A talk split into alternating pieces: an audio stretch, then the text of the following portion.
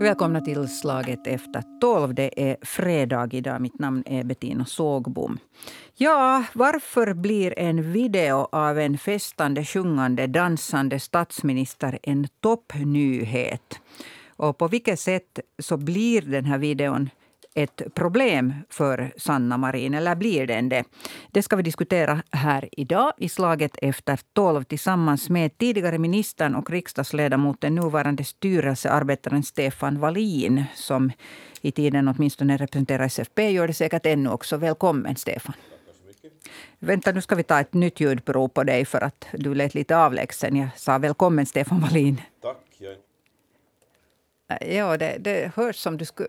De har fel mick uppe där åt dig i studion, tror jag. Har du någon tekniker där som kanske kan åtgärda det? det vi hör dig, men du hörs som du skulle sitta tre meter från mikrofonen. No, medan de åtgärdar det så, så säger jag välkommen till min andra gäst, Hufvudstadsbladets chefredaktör Erja Yläjärvi, som också har just författat klart en ledare, förstår jag, om den här pågående diskussionen kring statsministern.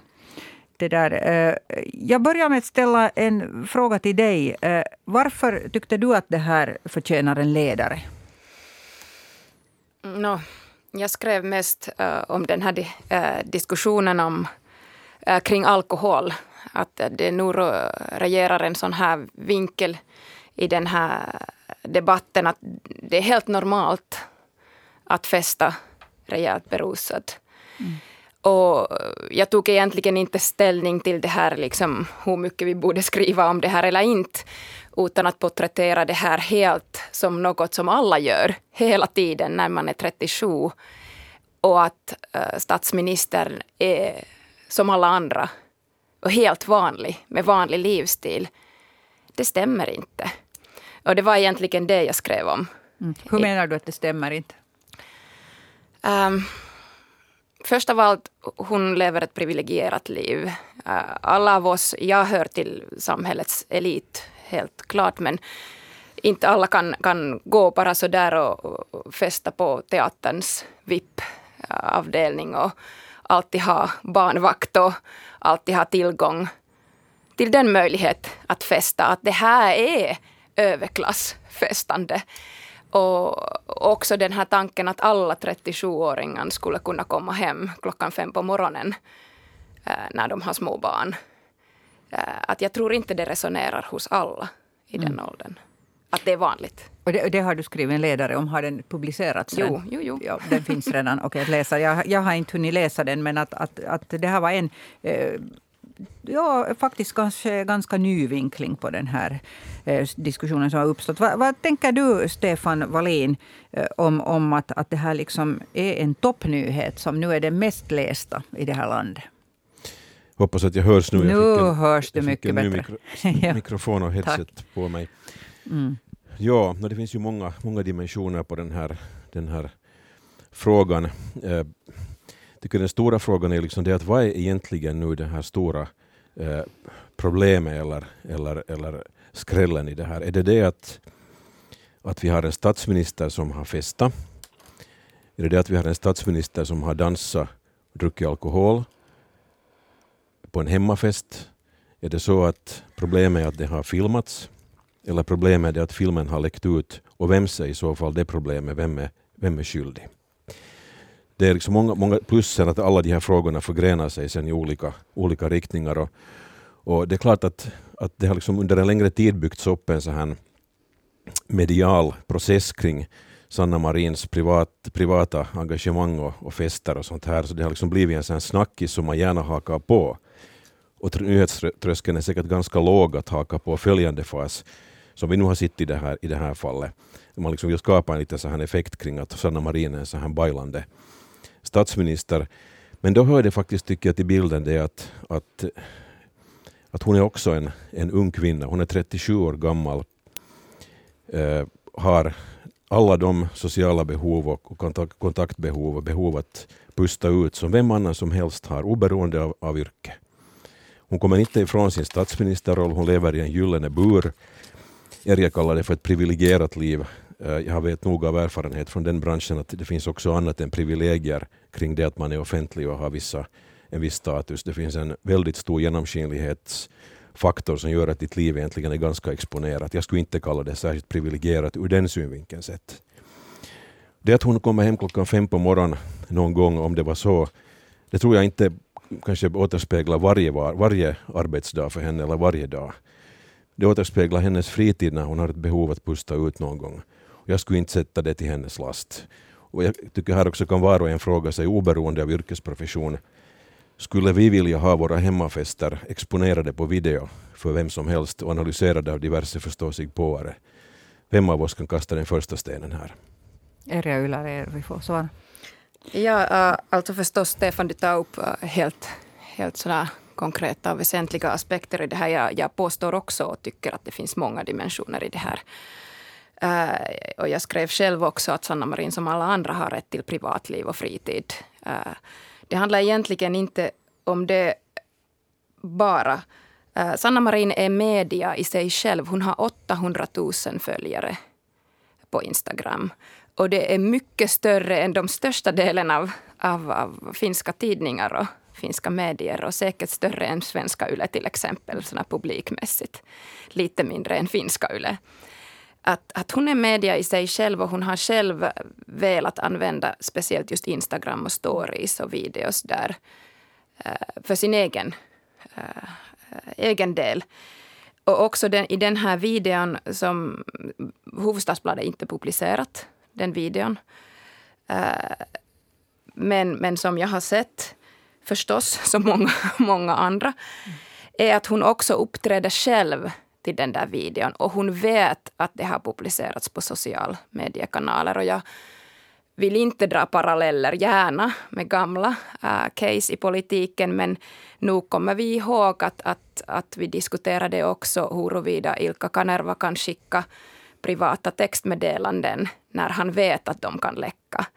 Och, och jag tror att det här är en dimension till att statsministern kan inte ha uppträtt på den sån där videon aktivt själv. Det är inte smyg. Eh, Smygfilmat är det inte. Nej, det så, att, så att, mm. utan att, att ha tänkt på den här möjligheten eh, när hon själv är en Instagram-influencer, så att säga, med mm. enorm publik. Mm. Eh, jag tänkte på, på en sån sak här som har lyfts upp väldigt mycket. Det är att någon har ju läckt den här eh, videon. Alltså uppenbarligen är någon i den samling människor hon då eh, umgås med, festar med, inte att lita på. Eller mm jag vet inte. Det här är kanske en slutsats som, som jag bara drar. Men no ja, det är många andra som har sagt något åt det hållet också. Jag vet inte, vad tänker du Stefan Wallin om den saken? No, det är klart att en, en så kallad vän som läcker ut en, en sån här video så har antingen väldigt dåligt omdöme eller kan snart betrakta sig som före detta vän. Mm. Eller åtminstone en dålig vän. Och det är en fråga mellan Sanna Marin och den här ifrågavarande inom citationstecken vännen. Jag tycker att varken jag eller, eller kanske så många andra har kompetens att bedöma halten i en sån vänskap och vad det, vad det kommer att leda till. Men att ett missbruk, förtroende har missbrukats alldeles klart på ett sätt som inte var tänkt från början. Sen är det en annan sak att när den här film, filmen togs så var det väl så att säga in the heat of the night när man kanske har en lite, lite lägre tröskel för vad man skulle gå med på än, än, än på, på, på dagtiden en måndag klockan 15. Uh, eh, alla är vi människor. Men, men fortfarande så är det ett faktum att, att det var en hemmafest, det var en privatfest och vi skulle inte ha, föra den här diskussionen som vi för just nu och medierna skulle inte hålla på att ägga upp sig ett nationellt undantagstillstånd kring den här frågan om inte den här videon skulle ha läckt ut. Om festen skulle ha hållits, Sanna Marin skulle ha dansat, eh, festat och druckit utan att någon skulle ha känt till det utanför denna, dessa fyra väggar, då skulle vi inte ha den här diskussionen. Det är, det är läckan som har gjort att vi har diskussionen. Men då kvarstår tycker jag frågan fortfarande vad framkommer på denna video som inte jag heller har sett och tänker inte se som är så komprometterande för Sanna Marin att vi har den här diskussionen. Vad, vad var det som hon gjorde på den här videon som, som gjorde att, att det, det, är så fruktansvärt jobbigt för, för en del just nu? Det stora problemet tycker jag var denna läcka, detta missbrukade förtroende, men det är en fråga mellan henne och fotografen. Menar du på allvar, Stefan Wallin, att du har inte tittat ens en stund på den här videon? Jag har sett det som har kommit på flasharna, jag har inte klickat fram videon, men jag har sett det som har funnits när man, som man tvingas se när man öppnar en nyhet på ganska många, många mediasajter just nu. Men jag har inte klickat fram videon och sett den från början Du får ursäkta, men hur kan du kom kommentera det om du inte har sett det? Jag har sett det som finns på flashen när man öppnar den här videon. Okej. Okay. Right. Ja, för att, att jag menar, just då man då säger att, att det är ju inte något annat än ett, ett glatt festande, så, så det ser man ju också om man, om man ser på den här videon. Alltså, det är ju inte fråga om någon stripshow eller någonting annat sådant opassande. Ja, därför frågar jag just att vad finns det här som är så komprometterande att vi har den här diskussionen? Men jag föreslår att du nu tar din telefon och så öppnar du och så tittar du på det medan vi pratar här. Så då, då ser du att det inte faktiskt är så, är så uh, farligt på det sättet. Att det, det, är, det går vilt till men det är inte liksom någonting. Så vad är det Uh, om jag nu får kommentera. ja, när, när, när, jag har faktiskt tittat på videon. Uh, en aspekt är nog det här i den här diskussionen att även om vi alla antagligen i Finland har ganska stor förståelse för det här att, att även, även statspolitiker och ministrar har rätt till fritid, är att just statsminister använder större makt än presidenten. Och, och jag påstår att det är många som ändå ser eh, statsminister och president som institutioner. Och där kan vi ha sen förstås diskussion om Sanna Marin som människa, privatperson, som eh, någon som har ett krävande jobb och litet barn och behov att, att, att, att slappna av. Och sen tycker jag det är inte helt obetydelsefull del av diskussionen att här, här talar vi också om institutionen och därför önskar jag också att Stefan Wallin och andra som inte har sett videon men vill kommentera på det är att, att, att hon uppträder ändå på ett sätt som är någorlunda främmande till institutionen. Jag säger inte bra eller dåligt. Men, och sen var det inte bara helt privat, för hon fortsatte kvällen där på, i teateri eh, och har också själv sagt att, att det inte handlade om en eller två öl utan, utan att, att det var mera. Och de aspekter jag tycker kan inte bara viftas bort. Är det här att, att, att vad vill vi som finländare är kvar av den här så kallade institutionen och hur ser vi på saken? Och där kan åsikter förstås skiljas kraftigt. Uh, och Sanna Marin har upprepade gånger att hon vill raviställa, skaka om mm. det man tänker om institutioner. Men hon kan själv inte definiera hur institutionen borde vara, utan det ska finnas i en demokrati olika åsikter om det. Och där tror jag att, att och försvara också det där att, att, att bara säga och enbart säga att det var en privat fest, låt den vara. Eh, sen skrev jag också själv att vi borde snabbt gå vidare till andra samhällsämnen. Vi har vårdkris, vi har andra saker. Äh, inte tycker jag att man ska fastna i sånt. Äh, och sen en aspekt till är det här att jag som själv har jobbat som arbetsgivare länge i min lilla position i olika medier att, att visserligen tycker jag personligen att, att någonstans vill man fundera på det där att hur berusad man är. Även om det handlar om fritid.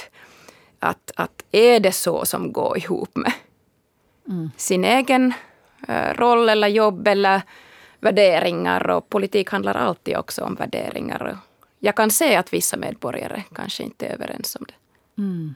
Vad, vad, tänker du Stefan Wallin om den här aspekten? Som... Ja, hur berusad mm. kan man vara? Jag vet inte om det fanns någon alkometer uppe i hörnet på den här videon som visar hur många promille dansarna hade. Mm. Man kan säkert också dansa utan att vara aspackad. det tror jag var och en av oss har också erfarenheter av.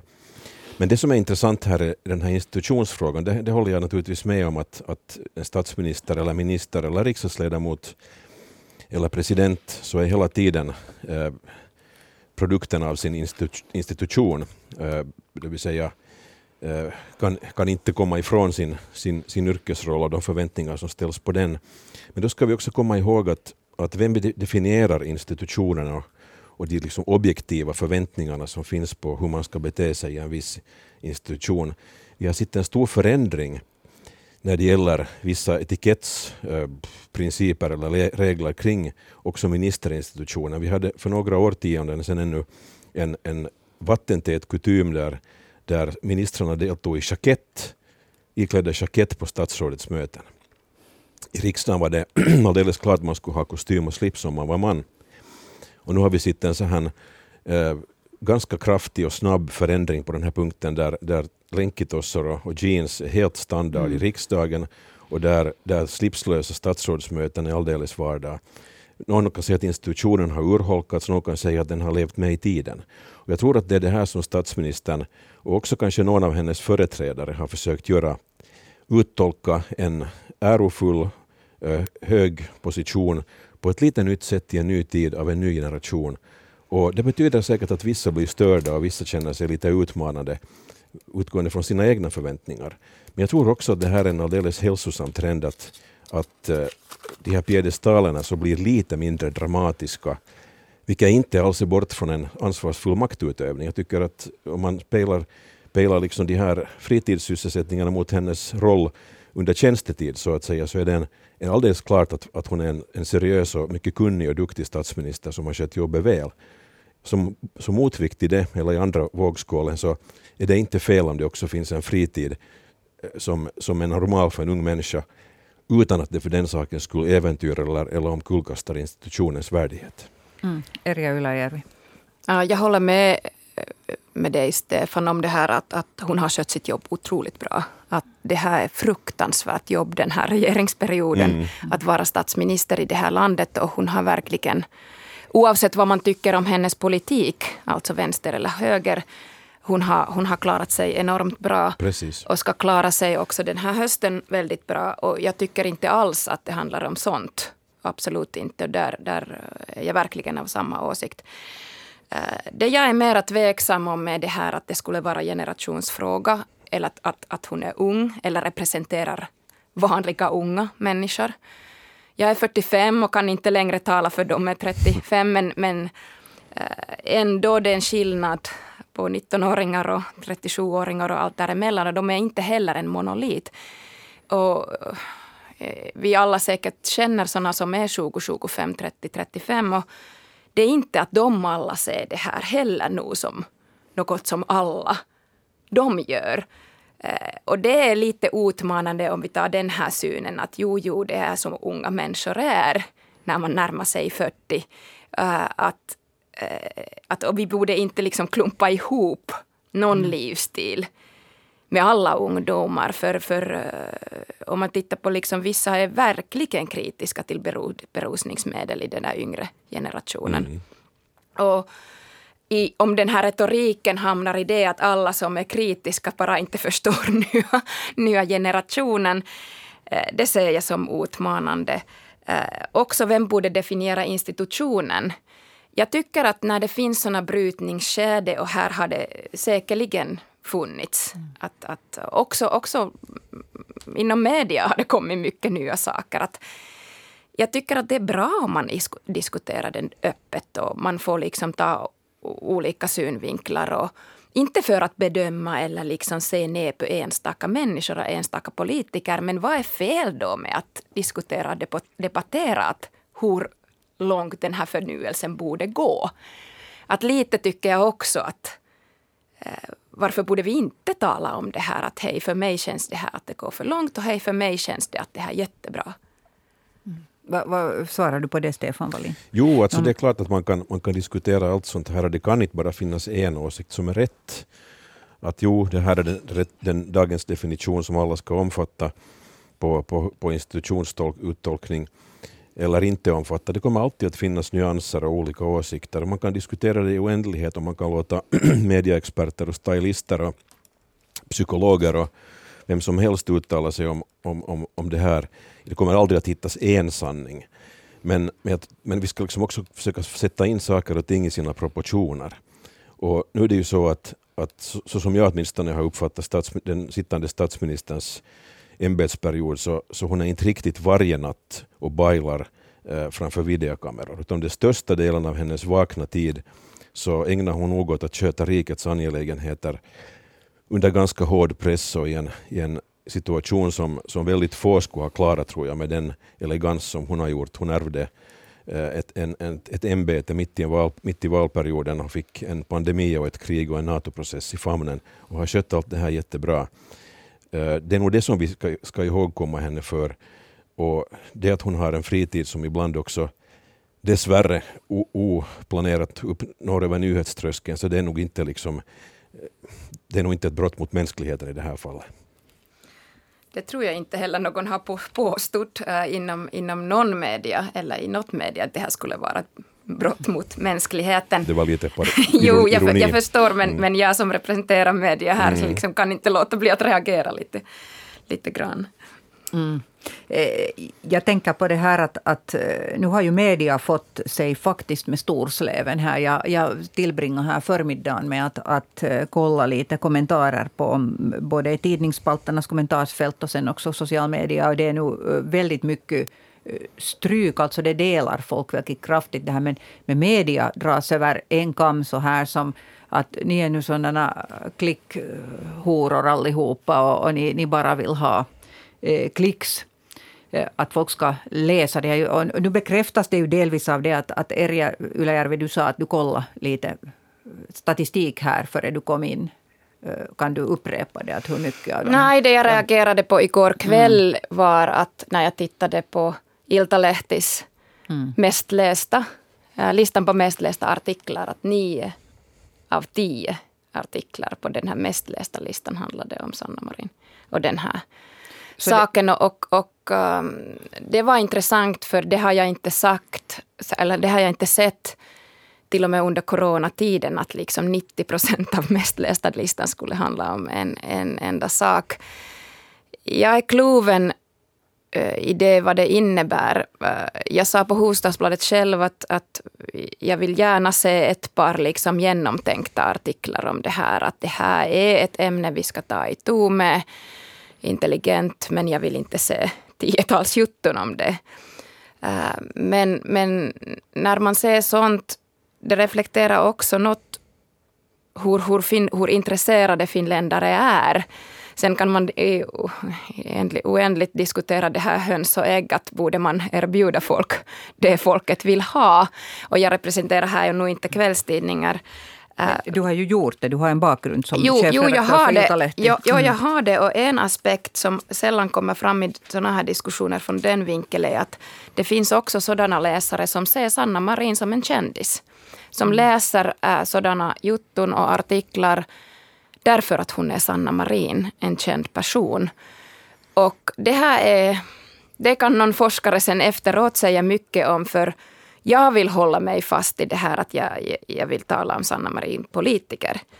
Men hon har själv gått inne på det här att uh, publicera bilder av sig själv i, uh, när hon spelar basket i bikini efter corona. Och hon publicerar själv paljettklänningar när hon går på Flowfestivalen. Så hon på något sätt själv går åt den riktningen att hon vill vara kändis, eller så ser det ut. Men, och det, kan, det kan mm. politiker själv reglera.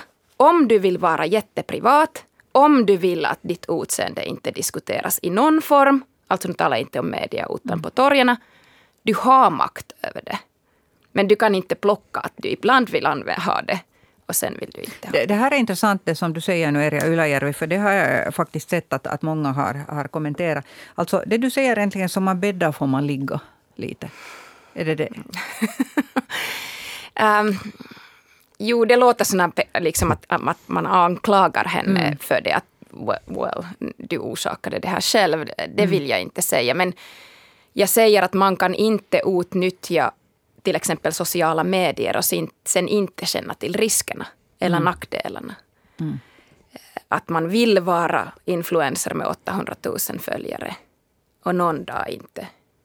Okay, här... sen, sen vara bara statsminister med privatliv. Det här skulle jag gärna höra Stefan Wallins uh, kommentar på. Jo, jag håller, mm. jag håller helt, med, helt med er i att man kan liksom inte uh, bara äta halva kakan. Utan det är så att om man bjuder på sig själv aktivt på, på sociala medier och, och Sanna Marin har ju faktiskt gjort en del av sitt, av sitt personbrand tycker jag hon har skapat också helt själv genom att, att publicera bilder på sig när hon är på festivaler och där hon, har olika typer av utstyrsel på sig. Och det är klart att det, det är liksom ett sätt att än en gång kanske lite bearbeta den här, den här stereotypa institutionsförväntningen på statsministern. eller åtminstone gammaldags institutionsförväntningen. Men det är också en risktagning självfallet och det kan liksom backfire, slå tillbaka när man minst anar det och speciellt nu naturligtvis i det här aktuella fallet när, när det på ett oönskat sätt och oplanerat sätt blir en, en medial grej. Men det som jag tycker är ett intressant spår här också när, när du talar Bettina om medias roll så är det att, att vi har rätt så nu igen en så, en så kallad kohu, som det brukar heta i mm. finska tidningar, skandal eller uppståndelse. Och då kan man fråga sig att vem är det som skapar den här kohun? Jag märker att också en del journalister själva har funderat på den här saken nu i sociala medier. Och, och när, när liksom det, det, står i, när man hänvisar till den här nyheten genom att säga att, att den, den liksom lyftes upp i rubrikerna nås i julkisoten. Vem är det som lyfter? Mm. Inte, inte, liksom, inte finns det någon naturlag, någon osynlig hand som lyfter upp en sån här sak till offentligheten. Det är ju media som har skapat den här kohon, den här skandalen i, i, i grunden. Eller ska vi säga i, i förlängningen efter att den här videon har läckt ut. Och då tycker jag det är lite speciellt att, att en del journalister som själva, och medier som själva har varit med om att skapa och förstora den här bubblan, sen när den går av sig själv, liksom blir självgående, så slänger man sig i soffan och, blir, och kallar sig publik. Tittar på, inte har vi gjort någonting, det här är ju liksom, den bara pågår. Så här är det ju inte, utan det är ju ett medvetet medialt val också, att man har gjort den här, också den här frågan till en stor fråga. Och den här mediala självbilden eller, eller genomgången av mediala, medias egna processer, så det skulle också vara värt en medial granskning, tycker jag. Jo, det här är jätteintressant att vi skulle behöva fem program slots för det här. Och, och, å ena sidan finns det de, de som säger att vi erbjuder bara det publiken vill ha och vi erbjuder det så länge som det finns efterfrågan. Och, och, det håller jag inte riktigt med om. Man måste själv sätta och tänka på vad, vad är mm. proportionen för just mig. Uh, som ansvarig utgivare, som, som, som redaktion eller, eller journalist.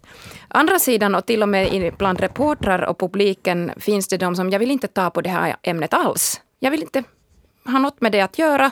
Alla talar om det, men jag vill skriva om något helt annat. Och, och, det ser jag inte heller som ett alternativ. För, för någonstans att äh, om du har, säg en kiosk och, och, du säljer bulle och, bulle och smörgåsar och dina kunder bara vill ha smörgåsar men ingen köper bulle, så till viss mån ska du göra mera smörgåsar. Det här kanske låter som ett banalt exempel, men, men det gäller också det här utbudet. Det som är väldigt problematiskt är att, att äh, är det här att sen när det här så kallade kohu kommer igång, det är väldigt utmanande för enstaka medier och redaktioner att reglera det. För alla fattar sina egna beslut och rent av det här antalet artiklar digitalt är redan sedan hundratals. Om man lägger till alla Twitter-kommentarer, alla Facebook-kommentarer för en enstaka läsare eller konsument ser det verkligen ut som det är för mycket. Mm. Och jag kan själv hålla med om när jag gick på Twitter sällan går jag, men gick i morse och igår kväll. Och, och, det blir för mycket. Uh, och det här är en viktig fråga för media att fundera på. Men jag tror inte svaret är att nu tar vi inte tag på det här alls. Men, men det, det som, som jag har hört analyser om tidigare, det är att, att i, i Finland i synnerhet, alltså Twitter är ute i världen ett större media än det är i Finland. Mm. I Finland är det just mest politiker och beslutsfattare och journalister som, som häckar på på Twitter. Mm. Att det är inte riktigt det där vanliga människans medium i Finland slagit igenom. Så om vi reagerar på det som är så att säga en uppståndelse på Twitter om någon enstaka sak, så, så är det i det skedet som media beslutar att ta tag i någonting som lyfts där, som det blir den här eh, uppståndelsen. Nej, alltså det, ja. det, tycker jag inte borde vara mindre på Twitter. Alla journalister mm. borde vara mindre på Twitter. Men den här kohu kom faktiskt inte mm. därifrån. Det kom från det här videon som publicerades först visserligen på Youtube men sen i mainstream media och allra först på Iltalehti. Mm. Och sen, sen, jag tror att det håller på en stund. Det beror, Några dagar? Ja, men, och det beror, sådana kohu beror jättemycket på om det kommer fram något nytt som är verkligen väsentligt. Och jag vill, börja inte, jag vill verkligen inte här börja spekulera om vad sånt skulle kunna vara. Mm. Men något som skulle vara mera komprometterande kring det här. Ja, men sen sitter det journalister omkring och som, tror du, som sitter och försöker hitta sånt nu? Ärligt. Säkerligen. Sen kan det säkert också komma tips till olika redaktioner. Det brukar mm. inte komma just alltid till huvudstadsplanen. Mm. men, mm. men, men äh, säkerligen. Eh, Stefan Wallin, vad, vad, tänker du om det här med, med, med hur de, så att säga, att, att en, en sån här, mitt påstående kanske är att en, en sån här skandal blir först till då först när så att säga riktig media har tagit i det. Och nu betonar ju Erja Yläjärvi här att den här inte var eh, kom egentligen bara via en enskild tweet utan att det var en, en större händelse. Men i alla fall. Ja, vi hade ju vi hade ju en president i tiden, Mauno Koivisto, som talade om lämmeleffekten. Mm, lämmeltåg. Lämmel, lämmel, lämlarna ja, som har lanserat i Åbo underrättelser eh, i en intervju. Och då var det just det här att alla springer i samma riktning. Och det är ju, tycker jag fortfarande i grunden nog det som jag själv också som tidigare journalist vill jag säga, ja. eh, känner igen att, att när en sån här grej kommer igång så, så känner också sådana mera inom citationstecken seriösa medier att de måste nu på något vis också ta i det här därför att annars så kan man tro att vi på något vis är medlöpare med makten och, och lägger oss platta och inte vill ta i en så här jobbig fråga. Så alla hakar på och, och mängden nya vinklar är ganska liten under en lång tid. Utan alla ska liksom rapportera i stort sett samma sak. Att det blir en så här intellektuell lättja i redaktionerna att man nöjer sig med att i stort sett citera varandra och, och kanske citera samma, samma forskare eller förstå sig på det. Uh, I något skede kan sen en sån här debatt också, om inte den hinner dö före det, så, så kan den yngla av sig till mera sådana alternativa och, och kanske också utmanande, till och med mediakritiska vinklingar. Men, men alla debatter når inte så långt. Och det, ty tycker jag är lite synd, för att det kan inte vara bara så att det finns en, i stort sett en huvudfåra som gäller. Nej, jag håller helt med. Äh, det, det jag reagerat på i det här fallet är att de som försvarar Marin springer också åt ett håll. Och de som är kritiska äh, springer åt andra hållet. Att publiken är väldigt delad och tar också drar också väldigt snabbt slutsatser. Och jag sa själv igår på min egen redaktion att idag skriver vi inte ledare. Idag kommenterar vi inte för vi vet för lite. Att vad är det man vill sen kommentera? Mm om, om någon nu vill läsa min ledare, det går att hitta, hitta på Husis. Men äh, att, att någon gång måste man också ha det här tålamod att titta vad, så, vad som har egentligen hänt.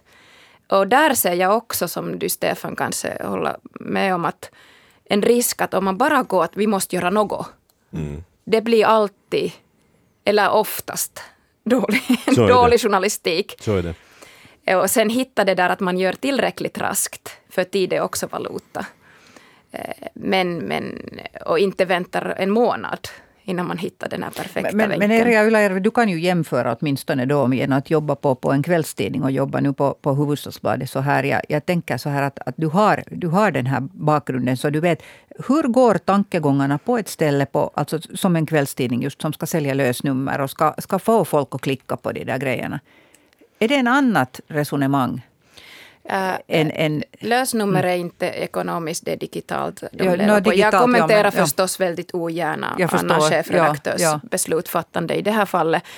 Men, men det man måste förstå är att medier har också olika roller. Iltalehti och Ilta-Sanomat mm. är ett un, understrykt just nu-medier. De fyller det där behovet att om du eller Stefan eller någon annan vill gå och kolla vad som har hänt just nu, du får det där. Hufvudstadsbladet, delvis Hesari, delvis Yle, delvis säg Suomen Kuvalehti, de fyller andra behov. Uh, och det är viktigt. Sen annan sak är också att, att, att eh, när jag var på Iltalehti, jag sa alltid utanför redaktionen att, att, att det är en ajanvieten media.